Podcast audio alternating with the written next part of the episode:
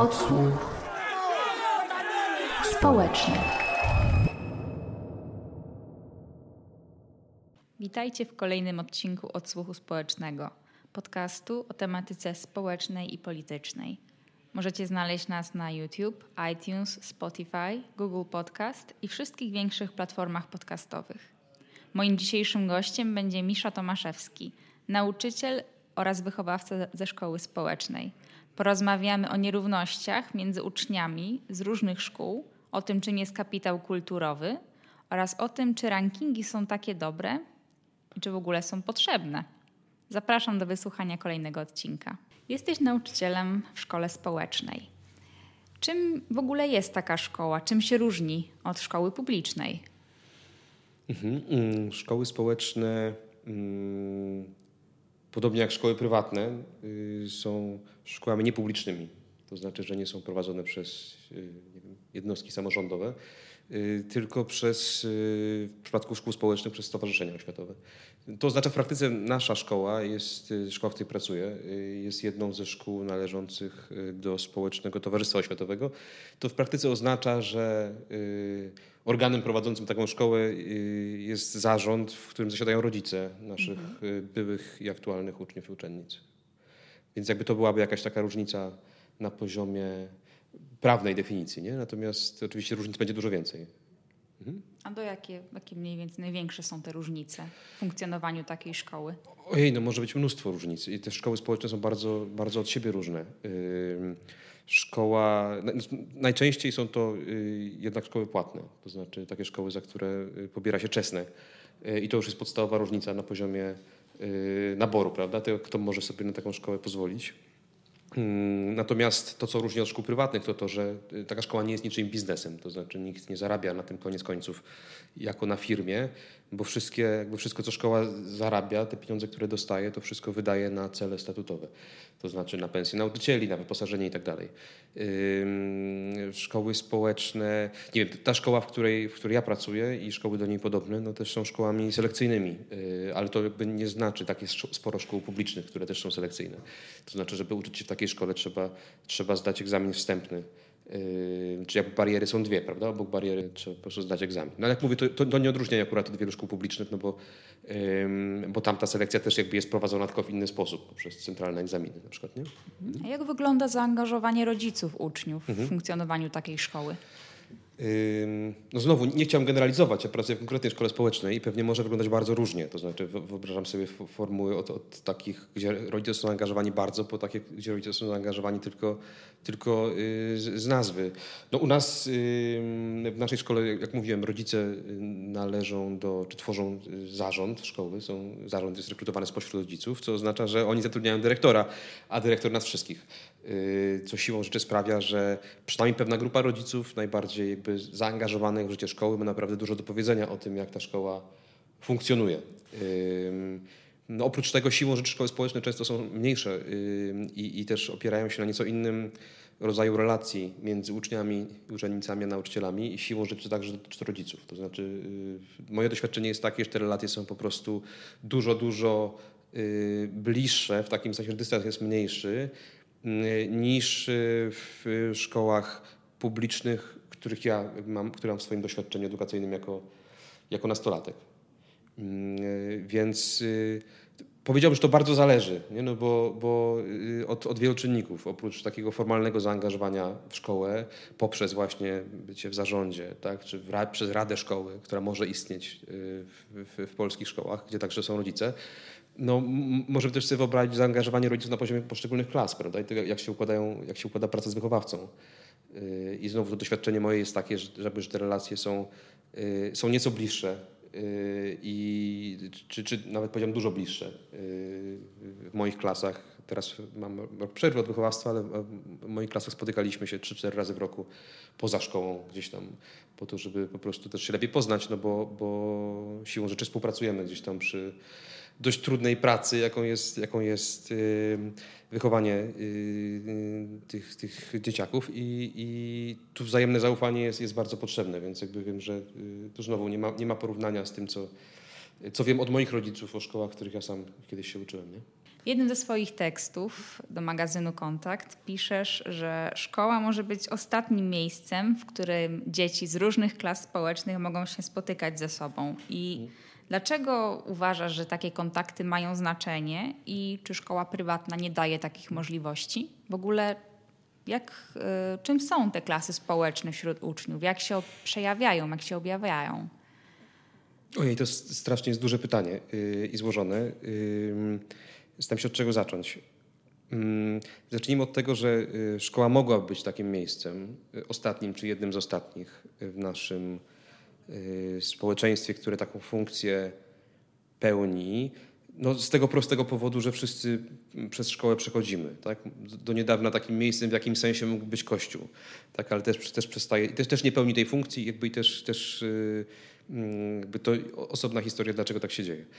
Natomiast Mm, faktycznie szkoła mogłaby tę funkcję pełnić i byłaby to funkcja ważna no z bardzo różnych powodów. Możemy zacząć z bardzo wysokiego C tak, i powiedzieć, że y, są ważne powody etyczne, dla których byłoby dobrze, żeby dzieciaki pochodzące z y, rodzin o, o różnym y, poziomie tak, kapitału ekonomicznego czy kulturowego, żeby ze sobą się spotykały i że nie jest fair sytuacja, w której w zasadzie nas, nasza pozycja społeczna dziedziczona y, i, i, i w tym sensie mm, ludzie, którzy mają zasoby, trafiają do lepszych szkół, nazwijmy to, ludzie, którzy mają zasobów mniej, trafiają do szkół gorszych, no to jest po prostu jakoś tam nie fair. Mm, y, to jest też y, niedobry pomysł pragmatycznie bardzo, dlatego że po prostu ci ludzie się ze sobą potem nie znają, to znaczy nie są ze sobą oswojeni. Ja mam doświadczenia y, takie w mojej pracy, kiedy, y, zresztą też o nich pisałem, y, kiedy grupa uczniów i uczennic z mojej szkoły z jakichś powodów lądowała nagle w szkole publicznej, mało, mało tego było to technikum samochodowe. I skala jakiegoś takiego przerażenia po obu stronach i, i zaskoczenia tym poziomem inności, tak, który się wyraża w sposobie, w jaki się ubieramy, zachowujemy, komunikujemy ze sobą, no właściwie w, w ciągu naprawdę ułamków sekund doprowadził do mm, jakiejś takiej reakcji właśnie lękowo-agresywnej. Nie?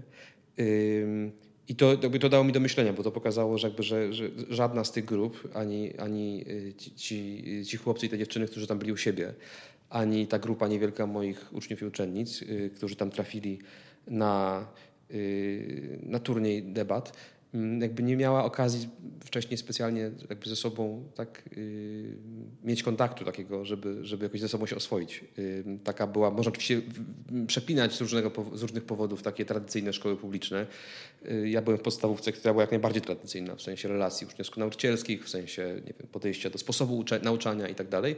Natomiast tym, co na pewno mimowolnie y, mi zostawiła i co sobie jakoś tam cenię do dzisiaj, to to, że mm, faktycznie były tam, y, w mojej klasie były osoby z bardzo różnych miejsc pochodzące. I nawet jeśli dzisiaj nie mamy ze sobą wiele wspólnego, no to y, mam takie poczucie, że jeżeli się spotkamy, albo jeżeli spotkamy się jakby, w, czy, czy spotkamy się z, jakby z oso osobami o podobnym zapleczu, to nie, nie będzie kłopotem dużym, żeby jakoś nawiązać nawet prosty kontakt i rozmowę. Tak? To, to jest, znamy się, oswoiliśmy się ze sobą trochę. Więc jakby to jest taka duża też odpowiedź na twoje pytanie o to, dlaczego nam powinno zależeć na tym, żeby, żeby ludzie z różnych e, klas społecznych się mieszali, jest taka, że to po prostu... Mm, ma szansę powstrzymać jakąś taką, wydaje mi się, rosnącą agresję, nie? spowodowaną właśnie jakby widzialną, widzialnymi różnicami w poziomie życia, a zarazem brakiem doświadczenia w kontaktowaniu się ze sobą i w rozwiązywaniu konfliktów w inny sposób. Więc po prostu potrzebujemy nie tylko z powodów, myślę, etycznych, ale też czy wychowawczych, ale też z powodów pragmatycznych. Też nie jestem pewny, wydaje mi się, że trzeba od tych pierwszych zacząć. To po prostu nie jest ok, jeżeli selekcja następuje tak szybko, że właściwie karty są rozdane od momentu urodzenia. Tak jakby i tylko opowiadamy sobie historię cudownych dzieci, tak, które dokona, dokonały niezwykłego awansu klasowego i one mają zazwyczaj dowodzić, że istnieje taka możliwość i jak jak dowodzi z kolei profesor Tomasz Szkudlarek, taki filozof wychowania i, i, i ekspert edukacyjny, no te, te, mity są tym silniejsze, im słabsza jest praktyczna możliwość awansu. Więc jakby im częściej powtarzamy sobie mit od Pucubuta do milionera, tym bardziej to znaczy, że to jest bardzo, bardzo nieoczywista droga. A druga część Twojego pytania to w ogóle pytanie o to, jak te klasy społeczne się manifestują w szkole, jeżeli dobrze zrozumiałem. Mhm, tak, to znaczy mhm. z tego, co zrozumiałam do tej pory, mhm. co tłumaczyłeś, mhm.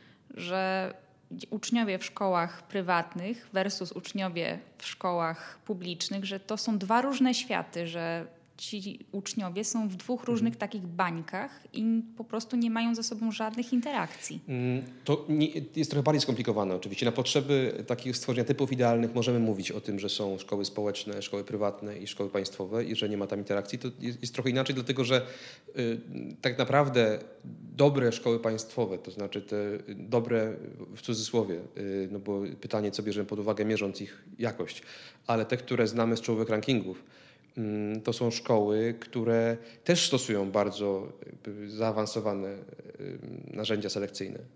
Prawda? To, to, żeby dostać się do dobrej szkoły z czołówki rankingu, trzeba po prostu mm, bardzo dobrze wypaść na, poprzednim, na końcu poprzedniego etapu edukacyjnego.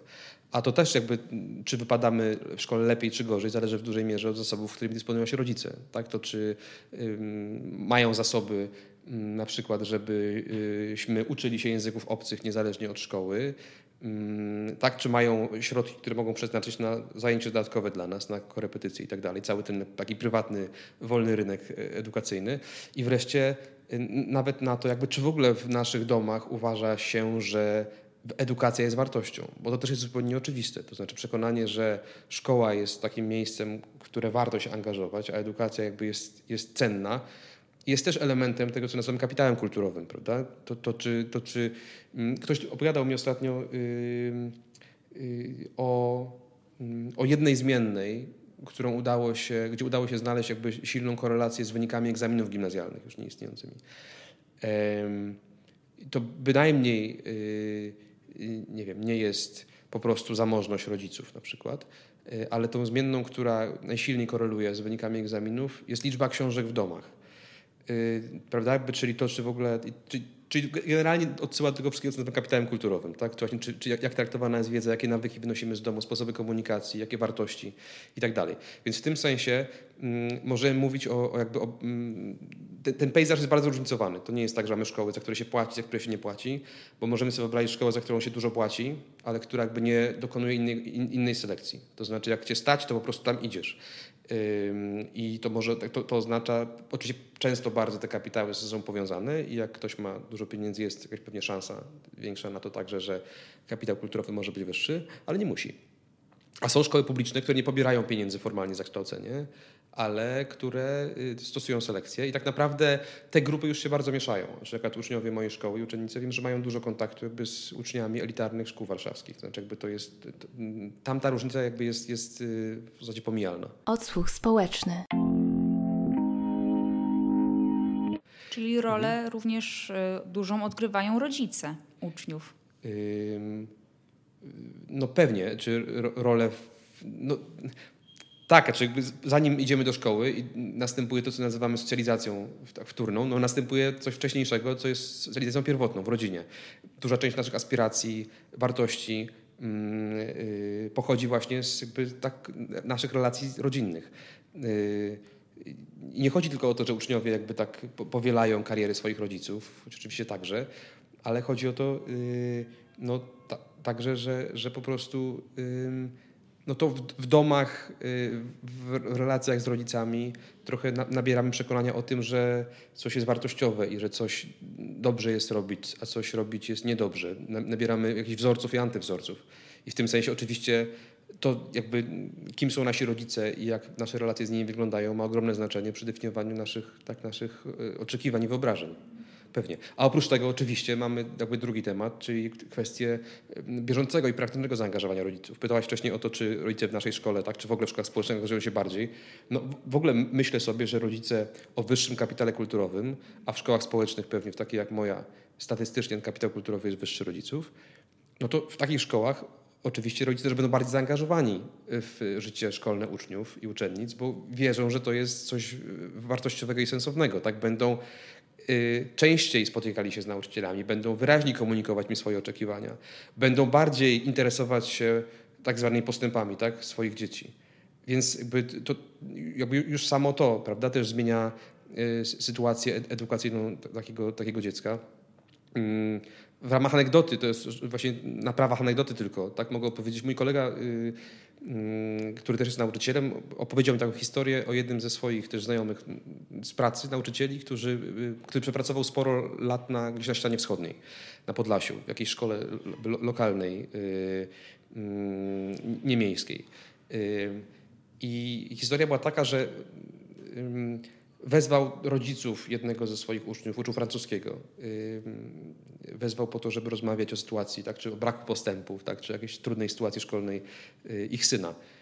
I tak samo jak wiem, że gdybym ja wezwał rodziców któregoś ucznia, to prawie na pewno ta rozmowa zaczęłaby się od tego, co możemy zrobić, żeby jemu lepiej szło, tak? jak, jak możemy zainwestować, y, na co możemy się mówić, co Pan może zrobić więcej. Nie? A y, tam reakcja rodziców była pierwsza, taka na cholerę mu francuski, on za dwa lata przejmuje gospodarstwo. Więc jakby to jest też coś, co istotnie prawda, zmienia sytuację szkolną dziecka, to czy jego rodzice uważają, że szkoła jest miejscem jakoś tam ważnym, y, od którego wiele zależy. Mhm. Tam jeszcze wspominałeś wcześniej mhm. o czymś takim jak rankingi mhm, szkół mhm, mhm. i coraz częściej słyszy się głosy, że jest to coś wręcz szkodliwego, że one są nie dość, że właśnie nieadekwatne, do rzeczywistości, o ile nawet mogą być wręcz szkodliwe. Dlaczego? No to, jest, to, jest, to jest straszne, to jest, jakieś, to, jest koszmar, który, który yy... Dobra, to może powiem, dlaczego to jest koszmar. To jest koszmar dlatego, y, że y, warto wczytać się w metodologię tych rankingów, jak one są robione. Bo nawet to są dwa tematy. Jeden jest taki, czy rankingi w ogóle tak czy nie, a drugi, jeżeli mamy rankingi, to jakie rankingi. Zaczynając od tego drugiego tematu, no to jak spojrzycie sobie w metodologię rankingu mm, perspektyw, który jest jakby tym rankingiem od lat y, ponad 20, chyba 30 po prostu już w tej chwili, który y, jakoś tam definiuje miejsce szkół na rynku edukacyjnym. Mm, to jest ten ranking, który też moi rodzice mi pokazywali, kiedy ja zdawałem do liceum w, roku 2000. I, I, no właśnie, jakby to już wtedy było wiadomo, że trzeba sięgać o perspektywy dzisiaj sytuacja się nie zmieniła, nie ma alternatywy specjalnie dla tego rankingu, no to metodologia tego rankingu jest taka, że bierze się pod uwagę dwie zmienne. To znaczy bierze się pod uwagę wyniki matury w danej szkole i bierze się pod uwagę olimpiady. I teraz jakby jak pokazałem to moim uczniom i uczennicom na zajęciach, na których właśnie zajmujemy się trochę tym, jak się konstruuje Mm, może tak, to zajęcie trochę, trochę, o tym, jak, skąd wiemy to, co wiemy, ale właśnie jakoś tam część tych zajęć spokojnie można prze, przegadać na temat modeli yy, takich właśnie jak ranking edukacyjny, no to jakby oni byli dość zaskoczeni, no bo to jest niesamowite ubóstwo, prawda? Jeżeli bierzemy pod uwagę te dwie zmienne, bo to, to właściwie oznacza? Oznacza, że interesuje nas najbardziej to, jaki jest wynik na wyjściu, ucznia na wyjściu z danej szkoły. Prawda? Skoro bierzemy pod uwagę wyniki matury, no to interesuje nas to, żeby na końcu uczniowie i uczennice wykręcili najwyższe możliwe wyniki. I oczywiście przy okazji, żeby y, brali udział w olimpiadach z sukcesami. Mm, to znaczy, y, efekt jest bardzo prosty. Y, opłaca się brać najlepszych, mieć najlepszy nabór. Im lepszy nabór mamy na starcie, tym mniej trzeba włożyć pracy w to, żeby ci uczniowie, uczennice byli dobrzy na wejściu. I tak to wygląda w praktyce. To znaczy szkoły walczą o to, żeby mieć jak najlepsze nabory, yy, i, bo to gwarantuje reprodukcję pozycji w rankingu. Znaczy to jest taki czysty fetyszyzm. Znaczy ranking jakby sam się fetyszyzuje w takim sensie, że jeżeli mamy wysoką pozycję w rankingu, to jest duża szansa, że ją utrzymamy, dlatego że będziemy mieli dobry nabór dzięki tej pozycji w rankingu, a ten nabór pozwoli nam potem odtworzyć tę samą pozycję za parę lat. Mm, I to jest, jakby, to jest jakaś groza. Natomiast druga, drugie pytanie jest takie, po co w ogóle nam rankingi? To znaczy, jakby yy, możemy sobie wyobrazić sensowniejsze rankingi niż ten, który mamy. Yy, skonstruowany przy użyciu bardziej wyrafinowanej metodologii. Takim rankingiem był na przykład ranking edukacyjnej wartości dodanej tak zwanej. Czyli staraliśmy się sprawdzić, innymi słowy, poziom naszych uczniów i uczennic na wejściu i porównać go z poziomem na wyjściu i zobaczyć jakby ile udało im się dzięki szkole, y, tak, o ile udało im się uzyskać. Y, to, to, tak, o ile szkoła podniosła, czy w czasie szkoły może bardziej, nie ile szkoła podniosła, a ile przez te kilka lat, jak się rozwinęli. Jest szansa, że dzięki temu zobaczymy, że szkoła, która na przykład jest w rankingu zupełnie obecnym przeciętna, gdzieś jest w połowie tabeli, y, mimo wszystko pomaga najbardziej, no bo y, uczniowie, uczennice robią największe postępy. Mm, to oczywiście też jest kłopotliwe, no bo y, postępów nie robimy tylko w szkole i, i na wyniki szkół dzisiaj, tych najlepszych, pracuje cała armia prywatnych korepetytorów, którzy, prawda, gdzieś tam to nie jest nigdzie w rankingu widoczne, ale przecież jakby no to, to oni y, ciągną gdzieś tam te wyniki, yy, wyniki w górę I, i, w tym sensie jakby ten rynek jest też w dużym stopniu edukacyjnie sprywatyzowany, no bo, no bo też na to, na to musi być nas, na to musi, nas jako rodziców potencjalnych musi być nas na to stać. Yy, I można sobie wyobrazić system, w którym te korepetycje jakby nie, nie są taką plagą, jaką są y, w, w Polsce. Yy, tak, Finlandia jest takim krajem, którą posługuje się Finlandią też, żeby to wyjaśnić, bo, bo ona często jako pewien mit funkcjonuje jako takim systemem, który jako tako znam yy, z, z, z czytania o nim i bywania na miejscu. Yy, no i to jest rzeczywiście jakby państwo, w którym ten rynek korepetycji jest bardzo ograniczony, na, na, na, przykład przez to, że szkoły mają obowiązek prowadzić dodatkowe zajęcia dla swoich uczniów i uczennic, jeżeli tego potrzebują. Czyli jakby jest, w y, samej szkole jest miejsce na to, żeby uzupełniać wiedzę i umiejętności, a nie, a nie poza szkołą. Y, natomiast wracając jakby do tego dużego pytania, no to po co nam w ogóle te rankingi? Czy właściwie po co mamy wiedzieć, że szkoła, to znowu cytując profesora Szkudlarka, w miejscowości A tak wypracowuje 73% wartości szkoły z miejscowości B? Znaczy, komu to ostatecznie służy? Y, tak szczerze. Oprócz tego, że wiadomo w jakim sensie służy rodzicom i uczniom, jeżeli myślimy sobie właśnie o edukacji jako o rynku, bo oni mogą dzięki temu wybierać miejsce, gdzie dzieci trafiają z największymi korzyściami dla siebie. Ale czy służy to nam jako społeczeństwu, że szkoły konkurują między sobą w ramach tego samego systemu, szkoły mają konkurować między sobą o uczniów i uczennice, no to jakby nie, nie rozumiem, w jaki sposób to jest wartościowe z punktu widzenia samego systemu edukacji nas jako społeczeństwa. Mhm. Istnieją opinie, że polski system ocen zachęca do rywalizacji, ale niekoniecznie on pokazuje mhm. rozwój ucznia. I jakie jest Twoje zdanie w tej kwestii? Mhm. Tu, tu znowu powiedziałem, że zależy w tym sensie, że zależy, jaki zrobimy użytek z narzędzi, które mamy. Y, nie chciałbym chyba wszystkich. Y, mam, mam tendencję do systemowego tłumaczenia różnych problemów. Pewnie nie wszystko można i trzeba na system przerzucać w ramach systemu, który mamy, możemy jako nauczyciele y, na przykład posługiwać się y, tak zwaną oceną y, opisową, możemy wprowadzać cały zestaw narzędzi związanych z nauczaniem kształtującym, mm, gdzie też ten komunikat zwrotny jest kluczowy, czyli właśnie ocena, która opiera się na informacji o tym, w czym sobie dobrze radzisz, w czym radzisz sobie gorzej, co możesz zrobić, żeby to poprawić, jakie są dalsze kierunki Twojego rozwoju. Nie? To jest taka ocena właśnie, powiedzmy, która nie, nie przypomina w żaden sposób stopnia, czy procentu, czy punktu. No ale to jest jedna sprawa, jakby, że możemy to robić i pewnie moglibyśmy robić tego więcej, co też jakby w tym sensie związane z Twoim pytaniem y, y, o, o konkurencję między, między uczniami, no że ocena znowu stanowi rodzaj fetyszu, prawda? To znaczy y, jest bardzo łatwo porównywalnym Yy, niezależnie od tego, czy dobrym, czy złym, to bardzo łatwo porównywalnym miernikiem jakiegoś naszego tak zwanego sukcesu edukacyjnego. Yy, I, I dzieciaki bardzo szybko się uczą, yy, żeby patrzeć. Oczywiście nawet, nawet jeżeli patrzą też jakby na postępy, na wiedzę, cieszą się tym procesem uczenia się, to jakby są zakładnikami tych ocen w bardzo dużym, dużym. Tak samo jak szkoły są zakładnikami rankingów w dużym stopniu, bo teraz chciałem, żeby było jasne też powiedzieć, że to nie jest tak teraz, łatwo z tego systemu wyjść no bo co by to znaczyło dla dyrektora szkoły? Powiedzieć sobie, że on od tej pory chrzani rankingi. To jest no, duże ryzyko, bo jakby wszyscy inni grają w tę grę, więc y, to jest taka fikcja, którą wspólnie podtrzymujemy. Y, rodzice, nauczyciele, dyrektorzy, uczniowie. Z ocenami jest tak, że y, znowu stajemy się ich zakładnikami, no bo ostatecznie to one decydują o tym, czy to jest czwórka, czy piątka, gdzie, gdzie wylądujemy. Yy, co więcej, ponieważ mamy wolny rynek, tak jakby walczymy o miejsce w najlepszych szkołach, no to siłą rzeczy to nas spycha w sytuację antagonizmu między uczniami. Tak? Znaczy oni, ta, ta sytuacja ostatecznie jest konkurencyjna. Jeżeli konkurują, to w jakimś sensie mają rację, dlatego że ten cały system jest tak skonstruowany, że konkurować powinni. Tak, bo nie wszyscy mogą dostać się do y, danej szkoły, tak? z czołówki rankingu na przykład. I więc yy, z tym bym się zgodził, nie? Jakby, że, że system skonstruowany tak, jak mamy go skonstruowanego w tej chwili, skłania na pewno raczej do konkurencji niż do współpracy. No, także na tym poziomie, że no, ostatecznie współpraca yy, nie jest, mówimy dużo o tym, że jest ważna, też teraz taki dyskurs jest silny, yy, rynkopracowy, że dzisiaj pracodawcy potrzebują mieć kompetencji, ja mam duży dystans do tego, że w ogóle szkoła zastanawiała się nad tym, czy mówią pracodawcy. I nie jest naprawdę główną rolą szkoły przygotować dzieciaki do zajęcia miejsc na rynku pracy. Ale no, co z tego, skoro na żadnym właściwie etapie y, kształcenia te umiejętności związane ze współpracą jakby nie, nie mają bezpośredniego przełożenia na naszą. Tak piszemy na koniec jakiś rodzaj egzaminu testowego. On jest też bardziej w ostatnich latach po kolejnej reformie bardziej wiedzowy znowu niż, niż kompetencyjny.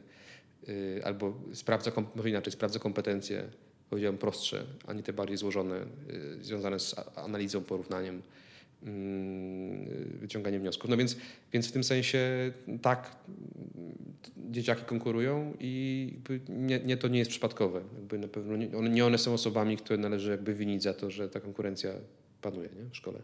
Mhm, bo wspominałeś wcześniej o Finlandii jako mhm. tym już teraz praktycznie mitycznym, cudownym kraju, gdzie y, właśnie jest dużo takich rozwiązań, które należałoby naśladować i czy są one możliwe do zrealizowania w polskich realiach, w polskiej rzeczywistości. Na przykład rozwiązania, które skupiałyby się bardziej na współpracy między uczniami, a nie rywalizacji. Pewnie tak chociaż zawsze trzeba uważać właśnie y, z takim mówieniem o przeszczepianiu jakichś narzędzi z systemu na system. Bo to, że, to, że w Finlandii system edukacji funkcjonuje inaczej, inna jest rola nauczyciela, inne jest doświadczenie edukacyjne ucznia, no nie, nie wynika tylko z tego, jak wygląda tamtejsza ustawa o systemie edukacji, tylko także z tego, jak wygląda fińskie społeczeństwo. I bardzo trudno sobie wyobrazić tak powielenie tego sukcesu, jeżeli nie dysponujemy na przykład fińskim kapitałem społecznym, prawda? albo y, poziomem zaufania społecznego albo jeżeli nie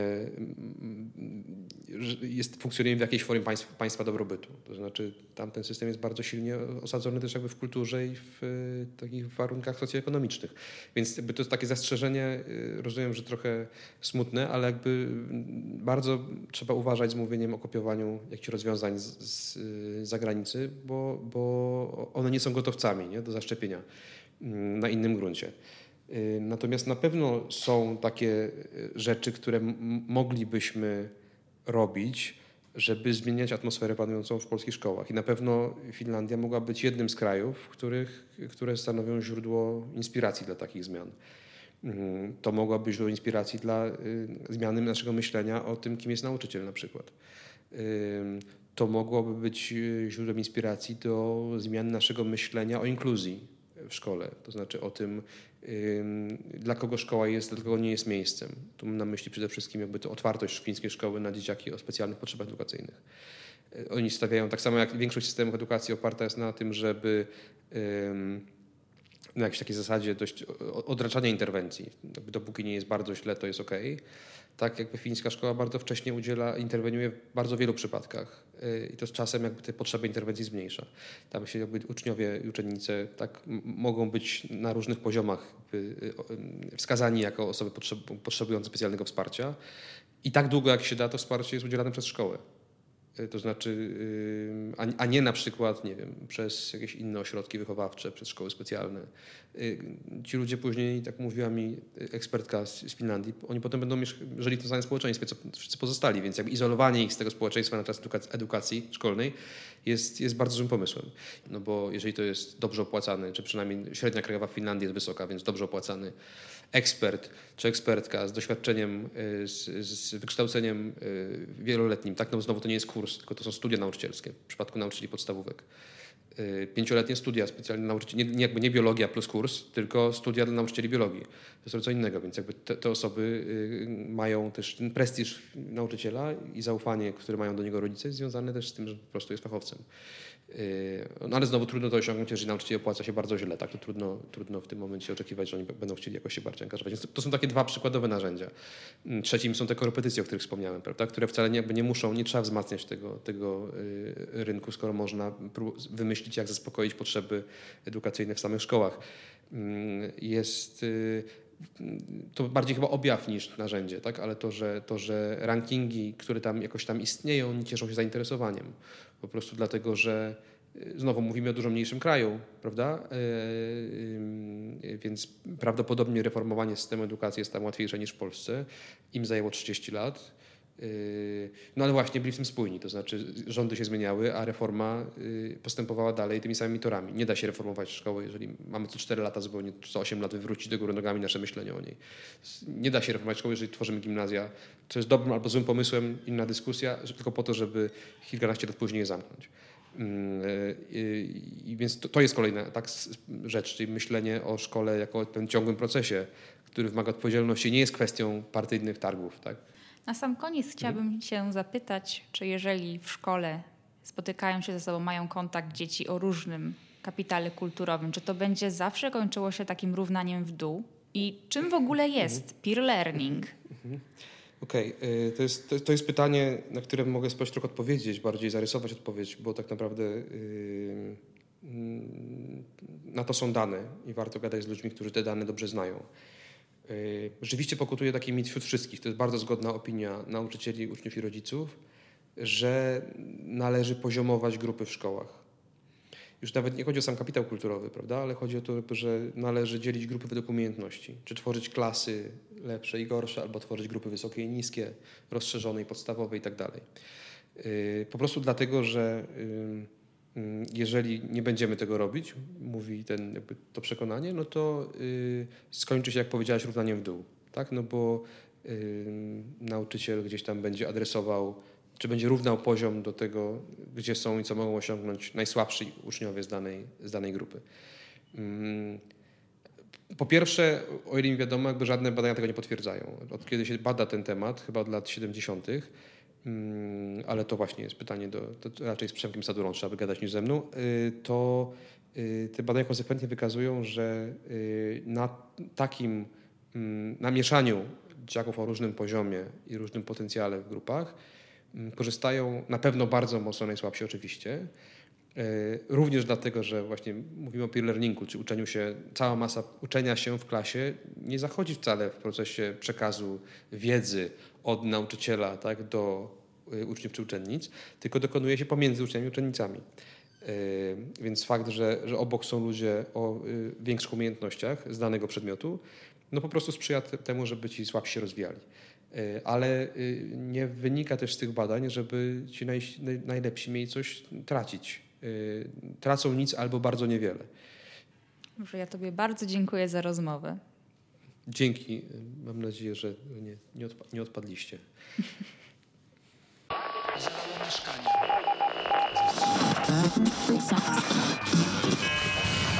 Odsłuch społeczny.